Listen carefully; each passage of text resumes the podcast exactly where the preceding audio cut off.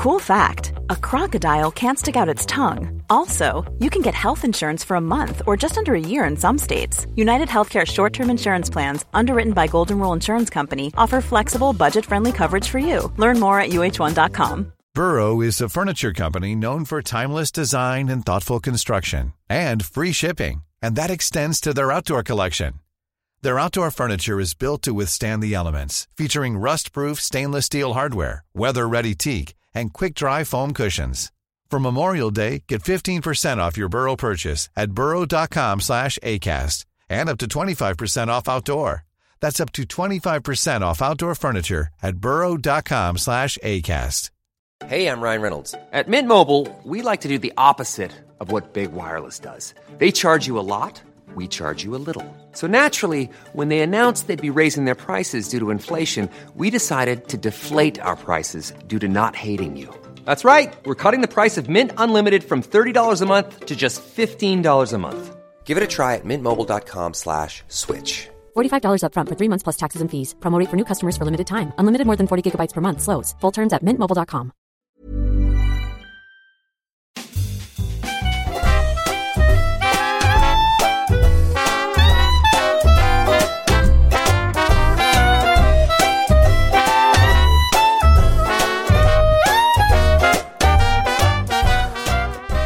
Varmt välkomna till ett nytt avsnitt av Fotbollskanalen Topp 5. Leo, allt bra? Ja, men det är bra. Ja, men i vårt gröna fina rum. Ja, det, jag är trött så i- fruktansvärt trött på det här rummet. Därför är det härligt att vi har en gäst med en, liksom, en väldigt tilltalande skjorta. Den påminner om eh, Sydkoreas bortatröja för fyra år sedan kanske. Här blir det ju polemik direkt här. när, man, när du har Sydkorea. Nej, skämt åsido. Uh, ja, vad ska man kalla det här? Jag vet inte om man kallar det zebrarandigt. Är det det? Ja. Något i den stilen. Ja. Härligt. Varmt välkommen Makoto. Tack. Allt bra med dig? Ja, kul att vara här, tycker jag. jag alltså, om ni har en green screen så borde ni väl liksom lägga upp några bilder på eller någonting om ni vill liksom piffa upp, känner jag. Här inne. Ja, jo, Fast i och för sig så kanske inte det syns för er som sitter här. Det är ju mer i skärmar. Det är väl så green screens funkar. Men då kan vi eh, titta i de här skärmarna. Nå- Någonting i den få, stilen. få någon glädje. Ja, exakt. Nej, men det är trevligt att vara här. Jätteroligt att du är här Makoto. Du eh, jobbar ju dagligen på Sportbladet vanligtvis Yes. och håller på med andra härliga poddar där. Bland annat Silly nu, när vi i detta läge nu går in i en Silly-fas. Och det är ju en övergång. Och idag ska vi prata övergångar ju. Precis, men de förbjudna. Som vanligt, vi kör fem, topp fem heter det ju. Inga konstigheter där. Eh, Leo och Makoto har sina listor. Är det någonting du vill slänga iväg nu innan vi går in i det här? För Ja, det men har jag- alltid någonting. Ja, men jag vet inte vad du känner Makoto, men när, liksom, när man skulle definiera en förbjuden övergång så tycker jag det finns så många olika parametrar man kan, man kan ta in i det hela. Det är ju liksom vad det är för klubbar man går emellan. Om det är liksom stadsrivaler, derbyrivaler, eh, sportsliga rivaler. Eh, det finns ju olika sådana eh, ja, rivaler man kan gå emellan. Och vissa rivaliteter är faktiskt helt okej att gå emellan. Typ Inter-Milan. Det är inte jätteblodigt. Förutom Christian Vieri kanske.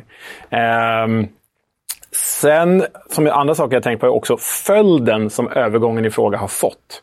För vissa har ju tagit förbjudna steg, men inte blivit så blodigt från supporternas håll som det kanske blivit i- mellan liksom mindre rivaliserande klubbar. Men följderna har blivit värre där. Liksom. Så jag tycker det är ganska många olika parametrar man måste väga in där. Rivaliteten mellan klubbarna, när det skedde och följden från de så kallade supportrarna i det här fallet som oftast då är, har liksom en oproportionerlig re reaktion till övergången. Mm.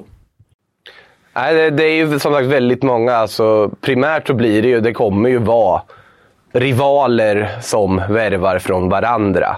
Sen i olika fall så är det beroende på hur mycket spelaren kanske har styrt över det och hur mycket klubbarna i sig har gjort det med sin approach till det. För det är också en aspekt i det hela till exempel. Jag kan väl slänga ut till exempel redan nu att Johan Cruyff inte är med Nej. på min topp fem. Eh, på hur liksom, Ajax behandlade honom i läget som på något sätt att han gick till Feyenoord av spite och dessutom i slutet av sin karriär. För där också, vart var de i karriären? Ja. Det är också en aspekt som man får ha i åtanke. Vi får se vart vi hamnar, hur, hur nära vi är. Plats fem. Och eh, här, det finns ju mycket att välja på. Det är mycket annat som man kanske reagerar på att jag har valt bort. Som jag eh, har valt bort i och med att ta den här på femte platsen. Men jag tar en ganska alltså, ny övergång får man ändå säga i sammanhanget. De flesta kommer ju, kommer ju vara liksom längre tillbaka i tiden. Men det finns någonting med Inigo Martinez flytt från Real Sociedad till Athletic Club. Kul, den spanska vinkeln. Jag misstänkte att det skulle komma Ja, något ja, men det, det måste man givetvis ha med. Nå någonting obskyrt spanskt. Eh, men för de som inte har koll, Inigo Martinez, mittback, spelat många landskamper i det spanska landslaget. Fostrad i Real Sociedad i La Real. Eh, må så vara eh, född och uppvuxen i snarare liksom Atletic och Bilbao-område. Men han är en Real Sociedad-produkt, gått igenom akademin, spelat hur många matcher som helst och, och liksom det var upplagt för att han skulle till och med få en kaptensbindel framöver. Sen absolut, det här var en väldigt skicklig mittback. Real Sociedad kanske inte är den klubb som vinner de allra flesta titlar. Och det fanns uppgifter om att han kanske var aktuell för en flytt utomlands eller till en större klubb. Det ingen såg framför sig var ju då att Atletic Club samma transferfönster säljer Aymeric Laporte för en väldigt mycket pengar. Eh, och de måste hitta en ersättare. De ser att ah, Inigo Martinez har en utköpsklausul i sitt kontrakt. De pungar ut den. Real Sociedad kan inte göra någonting. Inigo Martinez går dit.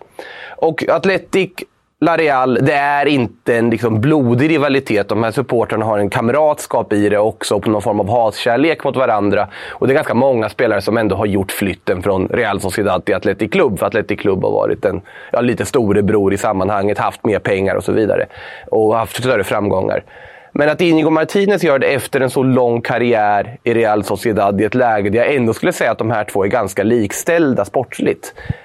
Den den är fascinerande. Och eh, Real Sociedad svarade ju med att ja, lägga ut officiellt att ni som har Inigo Martinez-tröjor, kom tillbaka med dem så tar vi bort trycket gratis. Eh, Det här vart inte någon sorts liksom, Bra krydda. allt för stor polemik mellan liksom, spelaren och fansen på så vis. Men där och då så var det ju en sån otrolig chock. Och den fanns inte på kartan. Det var inget snack om det innan. Och man bara pungar ut klausulen och köper honom. Den för mig hamnar på femte plats. Jag tycker den, jag såg den inte komma, men jag tycker den är jäkligt väl motiverad. Sen är det det här som du är inne på, det är ganska trevligt och vänskapligt Ja. derby. Den liksom baskiska saken mot centralmakten och hela det där. Men det du eh, singlar in här, eller det du ringar in, är ju läget som klubbarna var i. Alltså Inigo Martinez hade ju kunnat gå till jag kanske inte ska överdriva, men han hade kunnat gå till en europeisk toppklubb. Kanske inte Real, liksom, men, men han hade kunnat ta ett eller två hack upp i klubbhierarkin och går då till en jämbördig klubb som dessutom är rival. Det säger något också om den baskiska stoltheten. att så här, ja, men Jag kanske hellre vill spela för det Athletic jag är uppväxt med än för ett Bayern München. Ja. Så eh, det, det tycker jag ändå säger något om hela liksom baskiska inställningen också. Vilket är härligt i sig. Nej, det var roligt. Det var en krydda, minst sagt. Men eh, det, det är det vi gillar. De här lite olika aspekterna och hur man kan formulera sina listor på detta sätt. Nu är han väl i och för sig på väg till typ Barcelona ändå i Mm, det slutändan. och det, Barcelona. det verkar väl vara i princip klart. Men eh, nej, just där, den flytten där och då vet jag att man reagerade väldigt starkt på. För det här var ju... Det finns ju andra yngre spelare som kanske har spått en lysande framtid i La Real och sen gått i Athletic Club. Men det här är en spelare som har gjort näst väldigt stor del av sin seniorkarriär där. Och var på väg att få en kaptensbindel. Och just den här kaptensbindeln tycker jag också har en viktig roll. Kan Det väl betyder extra mycket. Ja. Jag håller med. Att, att man Håller tackar med. nej till den? Eller? Nej, men att du har en kaptensbindel Precis. och representerar en klubb men ändå väljer att gå till värsta rivalen. det, det säger ändå något. Sen absolut, han fick bra betalt. Det ska vi ju inte glömma. Glömma bort i sammanhanget. Han fick över dubblade väl sin lön också. Så att. Leo, vem hittar vi på din femte plats? Ja, men, eh, en kapten, en annan lagkapten. För jag tycker också att det förstärker hela situationen med en person som liksom representerat klubben utåt, klubbens värderingar och sen liksom beredd att kasta det över, ja, men slänga det över bord för, för en flytt till rivalen. Jag tycker det gör extra mycket. Och jag gillar ju att ha, när vi pratar internationell fotboll, så gillar jag ju att när det går klämma in ett svenskt alternativ. Mm, det gillar vi. Och då går jag till när han spelade i HIF, en av mina ungdomens favoritspelare. Men det här har ingen eh, HIF-stämpel på sig, utan han spelade i Stockholm då. Jesper, inom citationstecken, Judas Jansson. Han eh, var ju en allsvensk klassspelare, mittback, central mittfältare. Eh, och som då på mitten av 1990-talet gjorde den förbjudna flytten över Stockholm. Från AIK till Djurgården. Det här har ju spelare gjort förr och vissa har ju liksom kommit undan med det mer eller mindre. Vi har ju Nebojsa Novakovic och vi har väl andra som jag inte kommer på här på rak arm. Men Jesper Jansson kom inte undan med det här. Det kan vi lugna med att säga. Och den här Smålandssonen Jesper Jansson har ju liksom i, i intervjuer i efterhand förklarat att han inte riktigt förstod rivaliteten. Trots att han hade spelat två år i AIK så förstod han inte riktigt vad han gav sig ut på när han gjorde det här. Så han hade spelat två år i AIK, var lagkapten, två succémässiga år i AIK. Men ett kontraktssituation uppstod där ja, men det blev en tvist mellan Jesper Jansson och AIK. De var inte överens om hur de skulle ta det här vidare. Jesper Jansson ville bo kvar i Stockholm. Djurgården var beredd att betala pengar. Ja, vad gör man då? Jag vill bo kvar i Stockholm. Jag flyttar till Djurgården. Och det borde man ju kanske kunna få göra. Men Jesper Jansson fick ju inte i supportrarnas ögon göra det här. Det var ju alltså... Det började ju mjukt efter att övergången, mjukt citationstecken, eh, efter att övergången genomfördes. Det var ju så här postorderbeställningar hem till hans adress som han inte ville ha. Och det kan jag ändå tycka så här, ja men det är lite kul banter, ha ha ha. Men sen var det ju direkta mordhot och det var ju liksom hot mot familjen och det blev ju så illa så att Jesper Jansson fick ju byta personnummer. Han fick eh, byta adress, leva på hemlig adress liksom. Och så blev det bara ett ganska tungt år i Djurgården där han själv sagt att hela laget påverkades av det här. Och så tvingades han fly till norska Stabäck. Um, så det här är ju liksom... Vi kommer väl nämna den här spelaren senare i den här listan kan jag tänka mig, någon av oss. Men Sol Campbell är ju känd som Judas i hela England efter Tottenham till Arsenal. Det här är ju Sveriges motsvarighet. Även om han inte var en egen produkt så, så var det ändå en AIK-lagkapten som gick till Djurgården och fick, amen, enligt mig, oproportionerligt mycket skit för. Mm. Alltså, det som är någon sorts förmildrande omständighet är att det var så kort tid innan, mm. tänker jag. Det är ju bara två år, ja. ja och då, då hinner man... Det är också svårt att, i och med att man pratar mycket om trotjänare och sånt, svårt att liksom sätta ansvar på någon. Alltså lagkaptensbindeln beroende på klubb kan ju också delas ut mer eller mindre lättvindigt. Mm. Eh, sen absolut, att göra flytten AIK-Djurgården, det är ju på något sätt en förbjuden flytt. Det är på något sätt AIK-Hammarby eller Hammarby-Djurgården känns till exempel som att det hade varit lätt mer lätthanterligt kanske för vissa fans. Nu får Hammarby-fansen ursäkta lite här, men, ja, men lite... det känns som att ändå liksom tvillingderbyt AIK och Djurgården. Det finns någonting speciellt där som gör den flytten väldigt förbjuden. Ja. Sen har vi ju ganska intressanta rivaliteter i svensk fotboll. Jag tänker liksom AIK och IFK Göteborg som ju på något sätt är i mitt tycke det som man kan kalla liksom svenskt El Clasico om man tittar på liksom städerna och allting som hör där till. Det finns rivaliteter med Malmö och alla de här klubbarna. Det finns, alltså att det finns ju många olika förbjudna flyttar på något sätt. Sen beror det ju på vilken status du har i klubben, hur mycket klubben är intresserad av att behålla dig, hur mycket du sviker klubben när du gör sånt. Så. Det är många parametrar. Nej, det är väldigt många parametrar. Och här vägde jag väl in då liksom, det som fick in det var ju liksom följden han fick ja. av det. För det var ju bara två år. Alltså, jag menar, vi har ju sett ganska många personer inom Stockholmsfotbollen som bytt mellan Stockholmsklubbar, kanske med steg emellan, men de senaste åren. Alltså Pierre Bengtsson representerat ja. Eh, AIK Djurgården, Mange Eriksson, bägge, mm. Kim och Tolle. Liksom. Alltså, det är ju... Nu var det här ett direkt steg, men här, här var det ju då liksom efterföljden som det blev mm. för, man får säga, stackars Jesper Jansson. Faktiskt. Jo, det är, vi, vi lär ju förmodligen gå in på det mer att det är inte så att vi hyllar det som sker med de här förbjudna övergångarna med alla de här reaktionerna av fansen. Det är mera verkligen att vi ringar in hur det har blivit i vissa fall. Men en av fotbollens mer jag får ju säga ändå fascinerande mekanismer men ändå liksom ganska hemska eh, mekanismer också. Att det faktiskt ja, att det kan ske sådana här reaktioner på att någon byter arbetsgivare. Om man ska vara krass. Ja, det, finns en, det är en grej om man ja, gör sånger och sånt. Kan jag tycka att man kanske buar åt spelaren eller så när man, när man ställs mot eh, respektive igen eller så. Det kan jag köpa, men just det här när, när det kommer till det personliga, privata. Där, nej, där har vi nått en gräns. Ryan Reynolds here from Mint Mobile. With the price of just about everything going up during inflation, we thought we'd bring our prices down. So to help us, we brought in a reverse auctioneer, which is apparently a thing. Mint Mobile unlimited premium wireless. Have to get 30, 30, bit to get 30, bit to get 20, 20, 20, bit to get 20, 20, bit to get 15, 15, 15, 15 just 15 bucks a month. So, Give it a try at mintmobile.com/switch. slash $45 up front for 3 months plus taxes and fees. Promo for new customers for limited time. Unlimited more than 40 gigabytes per month slows. Full terms at mintmobile.com. There's never been a faster or easier way to start your weight loss journey than with PlushCare PlushCare accepts most insurance plans and gives you online access to board-certified physicians who can prescribe FDA-approved weight loss medications like Wigovi and Zepbound for those who qualify. Take charge of your health and speak with a board-certified physician about a weight loss plan that's right for you. Get started today at plushcare.com slash weight loss. That's plushcare.com slash weight loss. plushcare.com slash weight loss. Since 2013, Bombas has donated over 100 million socks, underwear, and t-shirts to those facing homelessness. If we counted those on air, this ad would last over 1,157 days. But if we counted the time it takes to make a donation possible, it would take just a few clicks. Because every time you make a purchase, Bombas donates an item to someone who needs it. Go to bombas.com slash ACAST and use code ACAST for 20% off your first purchase. That's bombas.com slash ACAST, code ACAST. Plats fyra. Jag, eh, det här blir väl den enda övergången som egentligen har en mellanlandning av de jag har. Och det kan man också argumentera för att en mellanlandning liksom dämpar ner hur allvarlig en övergång är. Men att byta Celtic mot Rangers oavsett, det, det gör man inte. Alltså det, det finns inte på kartan. Och framförallt inte när du öppet tydligt tidigare sagt att men jag ska tillbaka till Celtic.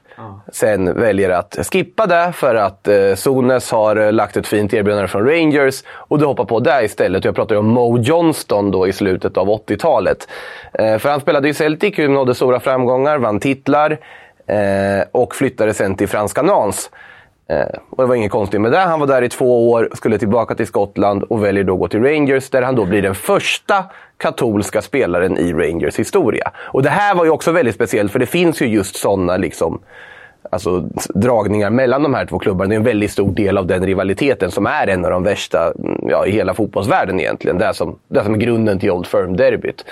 Och intressanta med den här, förutom att han gör flytten Celtic till Rangers, det är väldigt, väldigt få spelare som har gjort den. Eh, det är ju att Rangers-fansen var inte jätteglada de heller. de, de, de, var, de var ju, han blev ju liksom motarbetad. Materialaren vägrade röra hans tröjor så att han fick ta hand om dem själv och grejer i Rangers. Så det var ingen som var glad.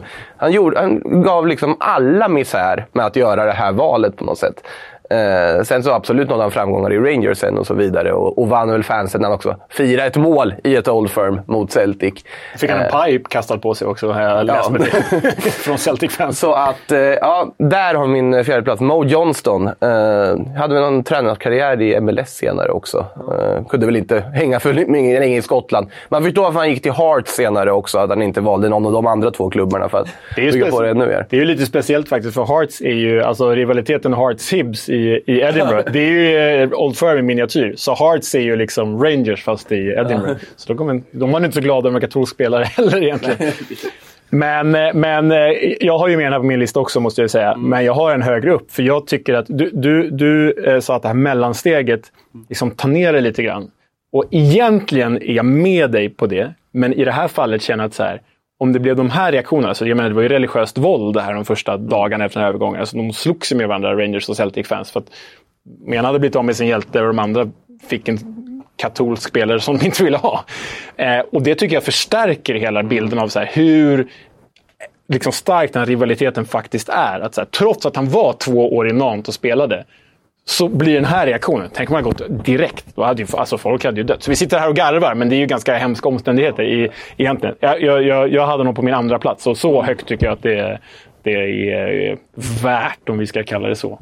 Men också det här, om man ska göra någon sorts eh, svensk eh, parallell, så skulle det här vara som att Ja, nu, nu sitter jag och tänker här vad det skulle kunna vara jämställt med. Men säg att, eh, säg att Pertan hade haft en utlandskarriär. Då, att han väljer att men jag kör två år i NAS. Och eh, när han då kommer tillbaka säger han att jag ska till AIK. Men sen, nej förresten. Djurgården, det ser spännande ut. Och väljer att skriva på för dem istället två år senare. Det är väl någon sorts jäm, ganska svag jämförelse på... Ja, du får lägga på religiöst våld. Ja, jag får lägga på väldigt många andra parametrar givetvis. men för att liksom förstå liksom vad, hur sjukt att han väljer det. Det är en hemvändare som verkligen går tillbaka och bara skapar fullkomligt kaos istället med sitt val. Och det är också galet, just den här ingrediensen att eh, religionen kommer in i det här. Det är ju, I vissa fall är det ju politiska eller bara rent lokalmässiga rivaliteter. Men här, här snackar vi om en religion också. på det. det nej, blir ju... det, är, det, är religion, det är religion och hur du ser på liksom hela det brittiska kungadömet. Ja. Du, har ju, du har ju liksom alltså Celtic, katoliker och liksom fuck the crown. Och så har du Rangers som är liksom pro-Storbritannien och, och Long live the queen, king. liksom. Ja, så det, nej, det finns mycket där. Så är det ju. Topp fem derbyn är en annan lista vi borde göra. Det borde vi verkligen göra. Vi Den, eh, den kan bli känslig. Det kan bli känt. Och det är ju också frågan, vad är derby? Det har, det, har du inte... Fan vad jag brinner för det här. Precis. Fan, men jag, gillar- jag gillar att du har gläntat på den här dörren ändå tidigare. För du sa AIK, Göteborg, Sveriges El Clasico. Och visst, El Clasico är inte derby. Nej, Jag bara kände liksom Malmö-fansens ras här nu. Bara, vilka är de? Men det här, det här, det här är en underbar diskussion. För jag menar, Sverige är ett av få länder där man är knuten till att staden måste definiera ett derby. Så är det ju inte i de stora länderna Nej. Precis. Ja, det, det, det ska vi ta upp igen. Det ska vi ta upp igen. Nu var vi på din fjärde.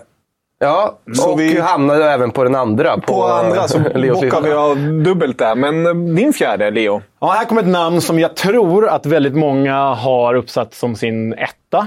Eh, Eh, Om det var tror du är så blir jag chockad om den är fyra, måste jag säga. ja, men jag tycker att det finns fler. Här har jag liksom vägt in då Efterföljderna kanske? efterspelet. Där jag tycker till exempel så här, Mo Johnston, efterspelet och reaktionerna. När det slutar i våld så blir det liksom någonting större och, och liksom allvarligare än det här. Och det här, jag förminskar inte den här övergången på något sätt. Det är ju liksom, om vi snackar i rubriker och storhet, så är det den största förbjudna övergången i fotbollshistorien. Men efterspelet här var ändå mjukare än de som jag har högre på min lista. Och jag har kommit till eh, Luis Figo. Som eh, går ju då från Barcelona till Real Madrid år 2000 som vi alla vet. Och har man sett den här väldigt bra dokumentären om den övergången på Netflix så var det ju inte riktigt Figo själv till en början. Det blev väl mer Det fanns lite andra viljor som spelade in och lite andra personer som skulle få någon form av kompensation ifall detta inträffade, kan man säga. Exakt, och det tycker jag liksom förmildrar omständigheterna för Figo lite grann här i alla fall också. Men vi vet ju, han var ju liksom det stjärnspäckade Barcelonas bästa spelare. Där och då kanske bäst i världen. Det var väl han eller Zidane. Liksom. Går från Barca till Real efter två ligatitlar, efter Copa del Rey, efter cupvinnarcup. Och ja, det är en övergång som inte får ske. Den har ju skett förut. Jag menar, Luis Enrique gick ju från Real till Barca och Mikael Laudrup gick ju från Barca till Real. Det har ju skett. Ja, Men det här var ju den övergången av de övergångarna. Liksom. Den, den värsta. Och vi vet ju, det värsta mottagandet var ju 2002 när han eh, återvände till Camp Nou. Och Det var inkastade flaskor, det var inkastade mynt och det var inkastade mobiltelefoner och det var inkastade grishuvuden. Liksom. Det, är ju, det grishuvudet är ju sinnebilden för vad en förbjuden övergång är. Ja. Det är det första man tänker på. Ja. ja, men så är det ju. Och i och med det så kan man verkligen argumentera för att det här namnet ska vara högst upp. Att, han, att den här övergången har fått symbolisera alla de här övergångarna. Men jag tycker att det finns, som sagt, ett par andra, bland annat Mo Johnston, där det liksom är ännu större och hetskare och värre efterspel. Men Figo såklart, den, den största av de här övergångarna.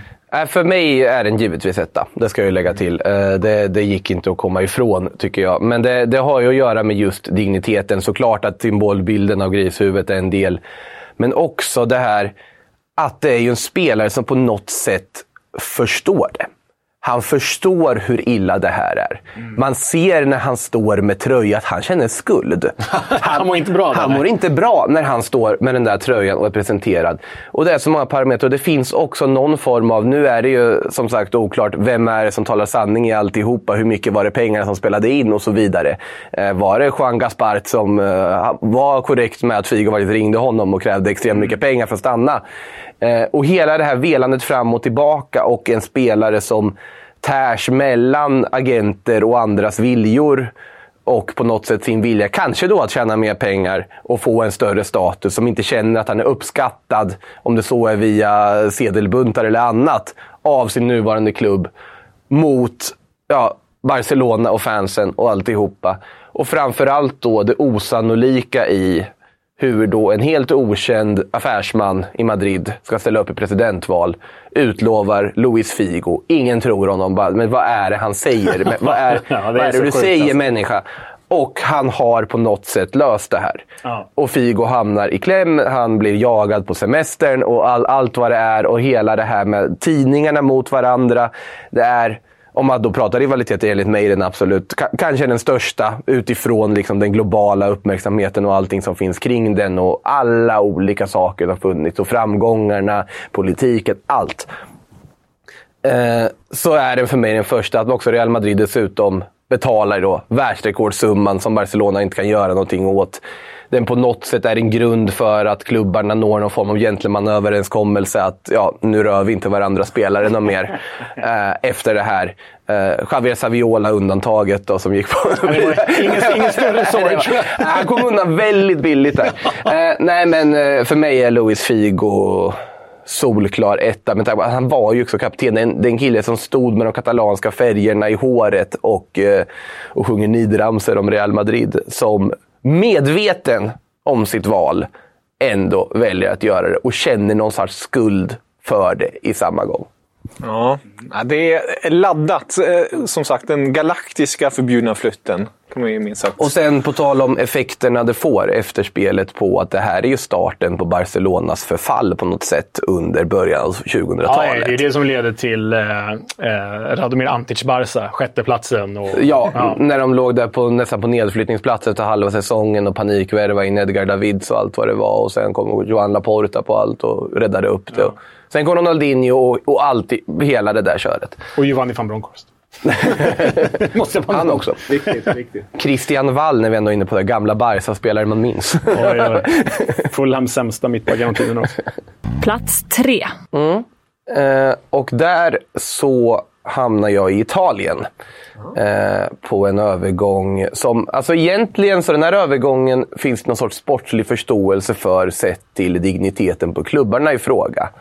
Men samtidigt så var det ju ändå väldigt känsligt, väldigt kontroversiellt. Fick mycket effekter, på tal om det också, när Roberto Baggio valde att byta Fiorentina. vi har samma, samma Vi har samma på tre. Ja. Ja. Från Fiorentina till Juventus. På den här tiden då, när han hade, liksom inför VM 90, så var ju Baggio en spelare som liksom hölls på nästan samma nivå som Maradona sett i liksom spelfördelare och elegans på mittfältet. Han var, Fiorentina var kanske inte det liksom starkaste laget, de gick ju för sig hela vägen till liksom cupfinaler i Europa och så vidare. Men det var Baggio som något sätt var den stora stjärnan, ledaren, alltså symbolen. Och att han då ändå väljer att göra den här flytten till Juventus. Och det här är ju väldigt känsligt att flytta till Juventus. Och det gäller ju inte bara spelare från Fiorentina. Det har vi sett till exempel Gonzalo Higuain i Napoli och så vidare i mer nutid. Att det, det är inte populärt. Och det märktes ju på Florens gator, för det vart ju mer eller mindre upplopp. upplopp 50 skadade ju. Ja. 50 skadade första, första kvällen. 50 skadade. Det är ju, ja. det är ju en reaktion liksom. Ja, men precis. Och det, det undrar man ju lite hur liksom ett sånt upplopp går till. Liksom, vad, vad gör de där ute? Ska de liksom protestera mot att uh, han, han har bytt klubb? Och, det... och hur skadar de sig undrar jag? Blir det då liksom i kamp med polis eller ska de liksom, går de bara men på bara... någon random? Det är ditt fel att Baggio flyttar! ja, men typ. Nej, det är inte mitt fel. Jag tycker ändå... Men, men lyssna på mig. Det finns ändå någonting rimligt i hans... Nej, det, ja. Nej men äh, skämt åsido, äh, om något väldigt tråkigt så... Sen är det också liksom aspekten i att det var ju inte heller smärtfritt i Juventus. Och det är ju här man hamnar på något sätt. Det var ju en match där eh, då... Ja, Baggio var inte direkt omtyckt av Fiorentina-fansen när de möttes givetvis.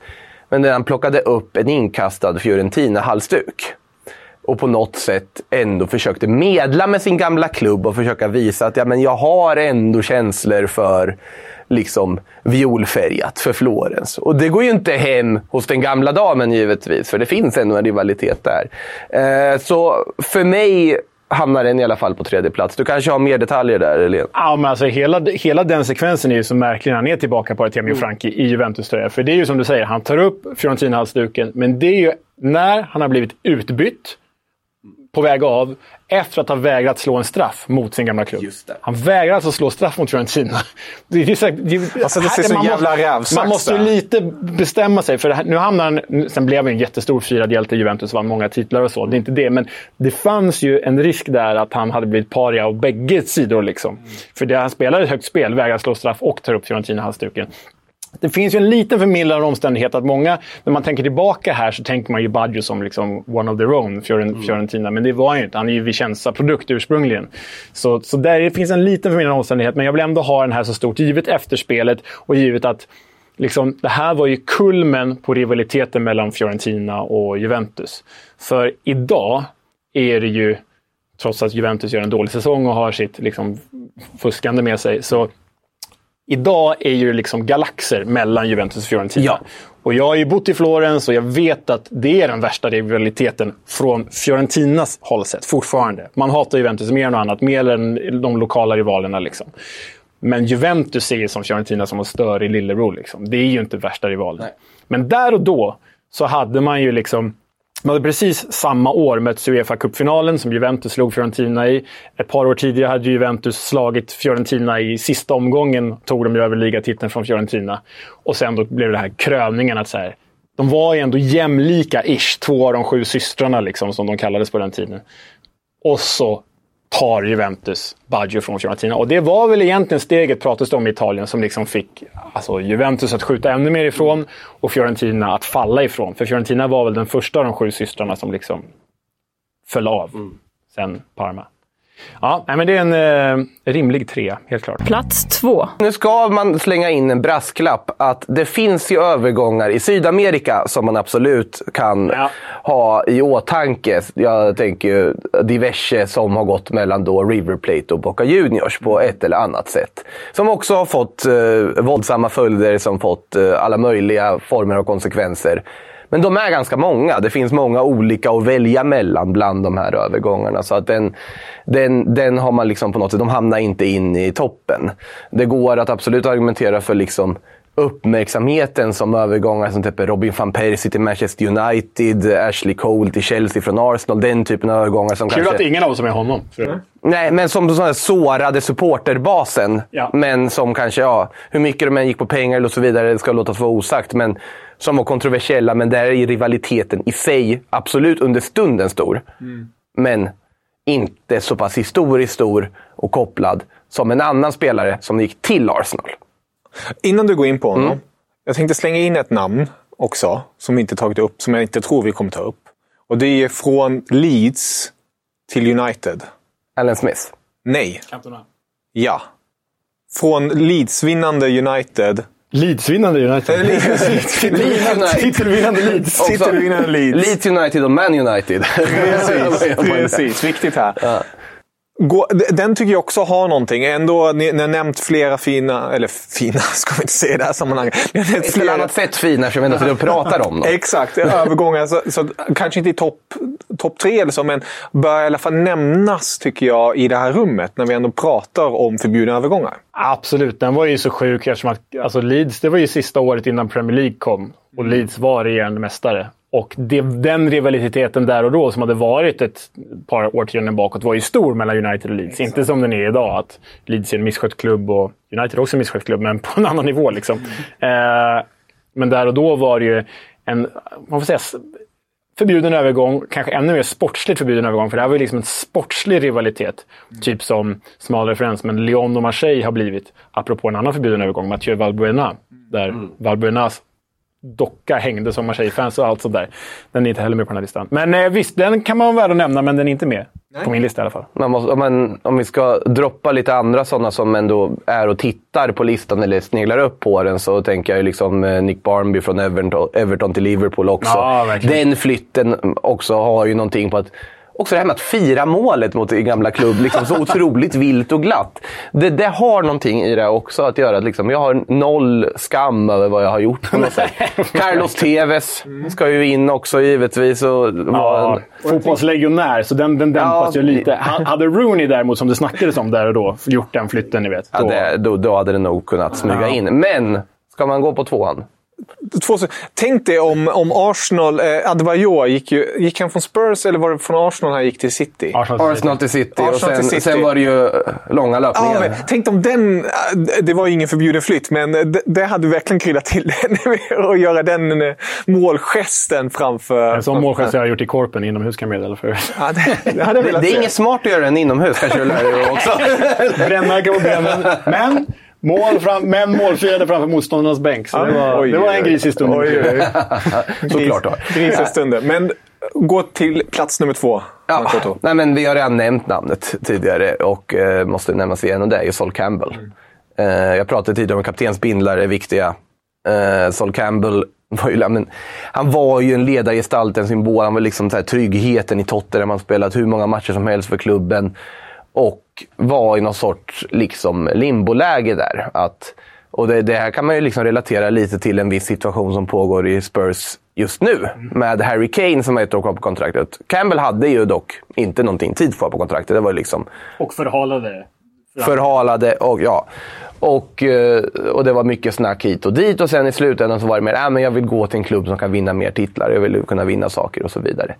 Och eh, då hade ju på en annan del av i norra London så hade ju Arsene Wenger noterat att den där Sol Campbell, han stoppar ju varenda av våra forwards. Han är helt omöjlig att gå förbi. Det här är ju på något sätt nyckeln i försvaret som kan få oss att ta nästa kliv, vilket Arsenal också gjorde eh, med Invincibles och alltihopa. Eh, så att de erbjuder Sol Campbell ett kontrakt och Sol Campbell tar det. Och gör då fri transferflytten Tottenham-Arsenal i ett läge där han är en av Tottenhams allra viktigaste spelare. I ett läge där, ja, absolut, Arsenal var den mer framgångsrika klubben där och då. Men fortfarande, att göra det gratis på det sättet. Det här handlar inte om att han... Eh, att det var extremt stora transfersummor som kastades. Det här var inte en klubb som försökte bli av med honom. Det var inget sånt där. Utan att han bara frivilligt känner att nej, jag ska nog spela i Arsenal istället. Han kunde valt någon annan klubb och skriva på för utan problem. Eh, men väljer ändå Arsenal och jag har ju jättestora framgångar där också. Men för mig är den tvåa på listan. Den här, hela den övergången är så sjuk också för att jag menar, han, han kom ju från Tottenhams ungdomsled. Ursprungligen från West Ham faktiskt. Det är det många som missar. De Men- flesta gör ju väl det. Typ. Men från Tottenhams ungdomsled, lagkapten som du säger. Och det pågår alltså ett års tid att han förhalar kontraktsförhandlingen. För det snackades ju om så att, de skulle, att han skulle bli världens dyraste försvarare där och då. Typ 250 miljoner kronor på den tiden vid millennieskiftet. Och flytta till, I don't know, Barca, Real. Liksom. Det, var ju, det var ju så det diskuterades. Förhalar det och går till North London Rival. Det är, ja, det är fult gjort alltså. Sen det som han råkar ut för, det är ju inte fint. Man sjunger ju fortfarande om honom som Judas. Och han har varit ute, läste jag så sent som i januari i år, och så här bett dem sluta. Sluta sjung Judas. Det- Jag kan inte gå på fotboll längre med min familj. Sluta. Det här är ju liksom 23 år gammalt. Ehm, jag misstänkte att du skulle ha med den här. Men sen en detalj till som man ska ha där också är ju chockfaktorn. Ja, på att verkligen. när han presenterades. Det var ju ingen som var förberedd på att Sol Campbell skulle presenteras för Arsenal. För det här var ju innan Twitter och alltihopa. Men när Arsenal kallade till presskonferens, de flesta journalister gick väl dit och trodde det var en så här rutinvärvning av en ny målvakt. Och så står Sol Campbell där. och det, och liksom, ja, det tar hus i helvete så att säga. Och spårar ur fullkomligt. Så att det, är också en aspekt, just den här chockfaktorn. Att det var ingen som ens pratat om det. Ingen har hunnit Nej. liksom, processa tankarna kring det. När det bara är på pränt klart att han gör den flytten. Ja, den är... Den är alltså om man pratar så här globalt sett så är väl liksom Figo fortfarande den absolut största. Mm. Säger, det globala strålkastarljuset. Men det här är ju tvåan. Så. Ehm, jag har faktiskt inte med på min lista, för jag misstänkte att du skulle ha den. och med det sagt så förära, den här förtjänar ju faktiskt en plats på topp fem. Men eftersom att jag inte ville dra två Judas berättelser och ha ett svenskt perspektiv så fick liksom Jesper Jansson peta så Campbell Ah. på min lista. Men, du, nu, men det är ju ettan som du inte har nämnt än. Och Den inte gör du- och, det, och den har vi inte nämnt någon av oss kanske än. Nej, det har vi inte. Och det här är ju med ett mellansteg. Eh, som jag tycker är en... eh, Givet reaktionerna på den här övergången så är ju det här mellansteget... Alltså, I mellansteget är ju förmildrande egentligen. Det borde ta ner reaktionerna. Så då tänker man så här, vad hade hänt om man hade gått direkt med de här klubbarna? Men vi befinner oss alltså i Serbien 2010. När serbiska landslagskeepern Vladimir Stojkovic skriver på ett lånekontrakt med Partizan Belgrad. Och det är det så här att Vladimir Stojkovic, han är inte born and raised, men han är en Röda Stjärnan-profil. Och ni vet, ett av världens värsta derbyn, mest hatiska derbyn, det är ju det eviga derbyt i Serbien. Det är Partizan mot Röda Stjärnan. Att jämföras med Celtic Rangers och Galatasaray, Fenerbahce, River, Boca. Det är väl de liksom. Så. Ehm, och han är en Röda Stjärnan-profil, spelar så pass bra under det tidiga 2000-talet att han föräras en landslagsplats och kan föräras en utlandsflytt. Faktiskt också till Nantes, precis som Mo Johnson. är, det, är det så här neutrala marker man går på där? No. Eh, Det han är faktiskt sanslöst ändå. Ja, det är riktigt, det är riktigt sjukt. Att vi nämner Nantes så ofta i ett sånt här avsnitt. Ja. Men det går inte bra för honom i Nantes, så han flyttar istället till Sporting i Lissabon. Eh, och det går inte heller bra ett par år. Han lånas ut till Getafe, han lånas ut till Wigan och sen är det dags då att lånas ut igen och flytta hem till Serbien. Och då flyttar han till Röda Stjärnans ärkerival, Partizan Belgrad. Bara ett par månader efter att han har utsetts vid en ceremoni i Belgrad till hedersmedlem i Röda Stjärnan för sin insats i den klubben. Det här är inte bra alltså. Det här är inte bra.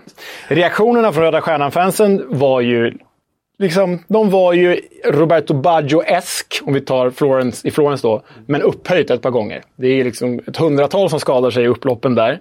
Ehm, eh, och Stojkovic mottar ju dödshot. Hans familj mottar ju dödshot. Det rapporteras att det finns en klausul i kontraktet där han inte får, att han inte får spela derbyt då. Men det går han ut och förnekar. Nej, nej, nej. Alltså han kastar, kastar bensin på den här elden. Han säger nej, nej, nej. Det är klart jag ska spela det här derbyt. Jag har liksom inget... Jag är inte rädd för Röda Stjärnan. Och då så spelar han det här första derbyt. Håller nollan. Partizan vinner. Vladimir Stojkovic springer ut till Partisanfansen. Det här är ett bortaderby, så det är alltså på Maracana, Röda Stjärnans, hans gamla hemmaplan. Tar av sig sin målvaktströja och där under på ett linne står det på serbiska då. Eh, Förlåt för min fula bakgrund. Det här är ju kasta jävligt mycket bensin på den här elden och det är inte så smart kanske. För hela det här eh, kulminerar ju då i en landskamp sen när Serbien möter, eh, då var väl Serbien Montenegro på den tiden, nej det var Serbien 2010. Eh, eh kulminerar i en EM-kvalmatch mot Italien. Då den serbiska spelarbussen attackeras av Röda Stjärnan, ilskna Röda Stjärnan-supportrar som försöker bryta sig in för att komma åt Vladimir Stojkovic. Stojkovic lyckas gömma sig i bussen, blir alltså inte hittad. Vilket, hur man nu lyckas med det är ju helt oförklarligt. Liksom. Hur Ja, jag vet inte hur han lyckas med det. Och sen då flyr han in till arenan och gömmer sig i det italienska omklädningsrummet. Så det här är... Det här är en flytt... Alltså återigen, oproportionerliga reaktioner. Knäppa reaktioner, idka inte våld. Sjung visst, sjung nidramsor och skoja. Håll inte på så här. Men det är ju, jag tycker det här är ett bevis på att det här är fan den mest förbjudna övergången du kan göra. Tänk om man hade gått direkt mellan klubbarna. Ja, nej, den, eh, det är väldigt bra argument måste jag säga. Och eh, Jag har inte följt hela den storyn. Den är liksom ny för mig, alla de detaljerna. Det ska jag ändå erkänna. Men att eh, Partizan och Sverna Zvezda är... Alltså det går ju inte, det, det vet man ju. Men också, också det här att så uppenbarligen ha noll ånger om det. Ja. Och då tänker man ju så här, har han i grunden varit en Partizan-supporter hela sitt liv? Men det var Röda Stjärnan han fick chansen i och det var där. Och han bara, ja nu är jag visst hedersmedlem och allting också. Vad ska jag göra? Men när ska jag få min stora möjlighet att gå till Partizan som jag alltid har, har älskat? Det är där man nästan känner ifall... Eller hur? Och det är ju liksom... Han kanske är lite så här, Jag tänker på Mo Johnston som mm. blev hatad i båda läger. Alltså, eh, Stojkovic kanske insåg det att om jag inte spelar Partisan fullt ut och liksom skär av alla band jag har med Röda Stjärnan, då kanske jag blir en ny, Mo, ny Mo Johnston liksom, och, mm. och sågas på bägge sidor. Men han spelar ju ett högt spel, för det här är ju farligt på riktigt. Ja. Alltså kalla mig fördomsfull nu, men det här är ju farligt på riktigt. Hade de fått tag i honom i den där spelarbussen, det där, det där är farligt på riktigt. Ja, så jag menar att ens överväga att göra den här flytten, då, då är man ju modig eller dumdristig. Jag vet inte vad man ska kalla det. Nej, och sen nog... spela på det sätt som man gör sen. Alltså, det, ja, det är farligt. Så det är, är min etta. Ja, snacka om att leka med eld, bokstavligen. Mm. Har du något tyskt exempel? Det är det som jag, jag har försökt tänka på. det. Jag kommer alltid med mina tyska inspel, men det finns ju inte... Alltså det finns ju övergångar, de, de övergångar skulle jag säga, så Schalke och Dortmund där finns det ju. Jag tänker ju typ Mario Götze. Och, och, det är det jag tror många tänker också på i Tyskland, men det, det är inte så här, Det är inte så laddat på det sättet. Det är mer så här...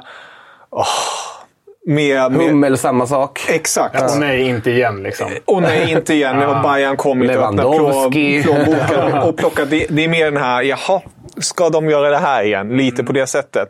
Eh, sen finns ju Schalke, Dortmund finns ju till exempel Jens Lehmann och sånt. Men det, det, det självklart inte varit populärt eller så. Men ah, jag skulle vilja säga HSV St. Pauli. Eh, där hade det nog eh, gått hetare till. Och kanske mindre roligt att bevittna en sådan övergång. Men annars, det, det är... Nej, inte riktigt. Vi, vi, skippar Tyskland den här gången. Mm. Konstigt nog. Rimligt.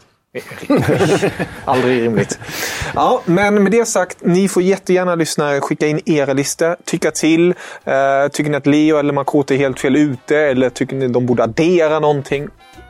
Skriv gärna. Alltid lika trevligt. Mm, och trevligt att ha dig här Makoto. Väldigt trevligt trevligt. Väldigt trevligt. Får eh, hjärtligt välkommen att återkomma. Får vi se vad vi förbjudet vi pratar om då. Eller om annat. Det finns så Någonting mycket. listas i alla fall. Eller? Någonting Ja. listas. Det finns alltid någonting att lista. Listan tar aldrig slut. Så är det. Men med det sagt, auf Wiedersehen. Hej, hej.